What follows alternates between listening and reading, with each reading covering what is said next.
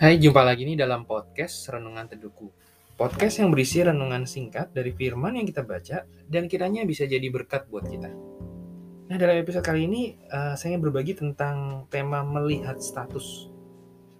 Kita akan berdasarnya dari Matius pasal 13 ayat ke-55. Bukankah ia ini anak tukang kayu? Bukankah ibunya bernama Maria dan saudara-saudaranya Yakobus, Yusuf, Simon, dan Yudas? Membaca ayat ini uh, sembari lalu mungkin tidak terlalu ada masalah ya. Akan tapi ketika makin direnungkan, ternyata ada pengertian yang cukup dalam yang kita bisa dapatkan. Merendahkan orang lain karena statusnya, itulah yang dilakukan oleh mereka yang ada di kota Nazaret, tempat kelahiran Yesus, uh, tempat Yesus tinggal khususnya ya, kepada Yesus mereka melihat Yesus bukan dari pekerjaannya dan kuasa yang dimilikinya, tetapi dari statusnya, yaitu dia anak tukang kayu. Akan tapi ketika Yesus memiliki hikmat yang bahkan melebihi ahli Taurat, mereka tetap saja tidak mempercayainya karena menurut mereka dia hanyalah anak tukang kayu. Dari status yang dimiliki Yesus, mereka menilai sehingga justru dampaknya ialah kerugian yang didapat yaitu mereka tidak mendapatkan berkat dari kuasa yang dimiliki oleh Tuhan Yesus.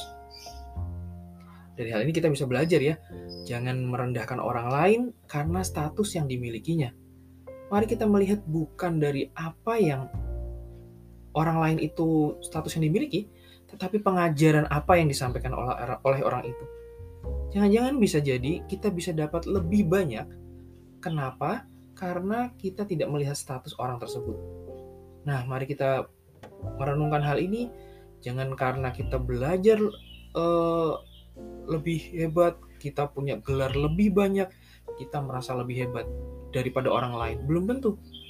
Bukankah Allah memilih yang bodoh, dianggap bodoh dari dunia ini untuk mempermalukan mereka yang berhikmat? Jadi marilah kita menjadi pribadi-pribadi yang berhikmat.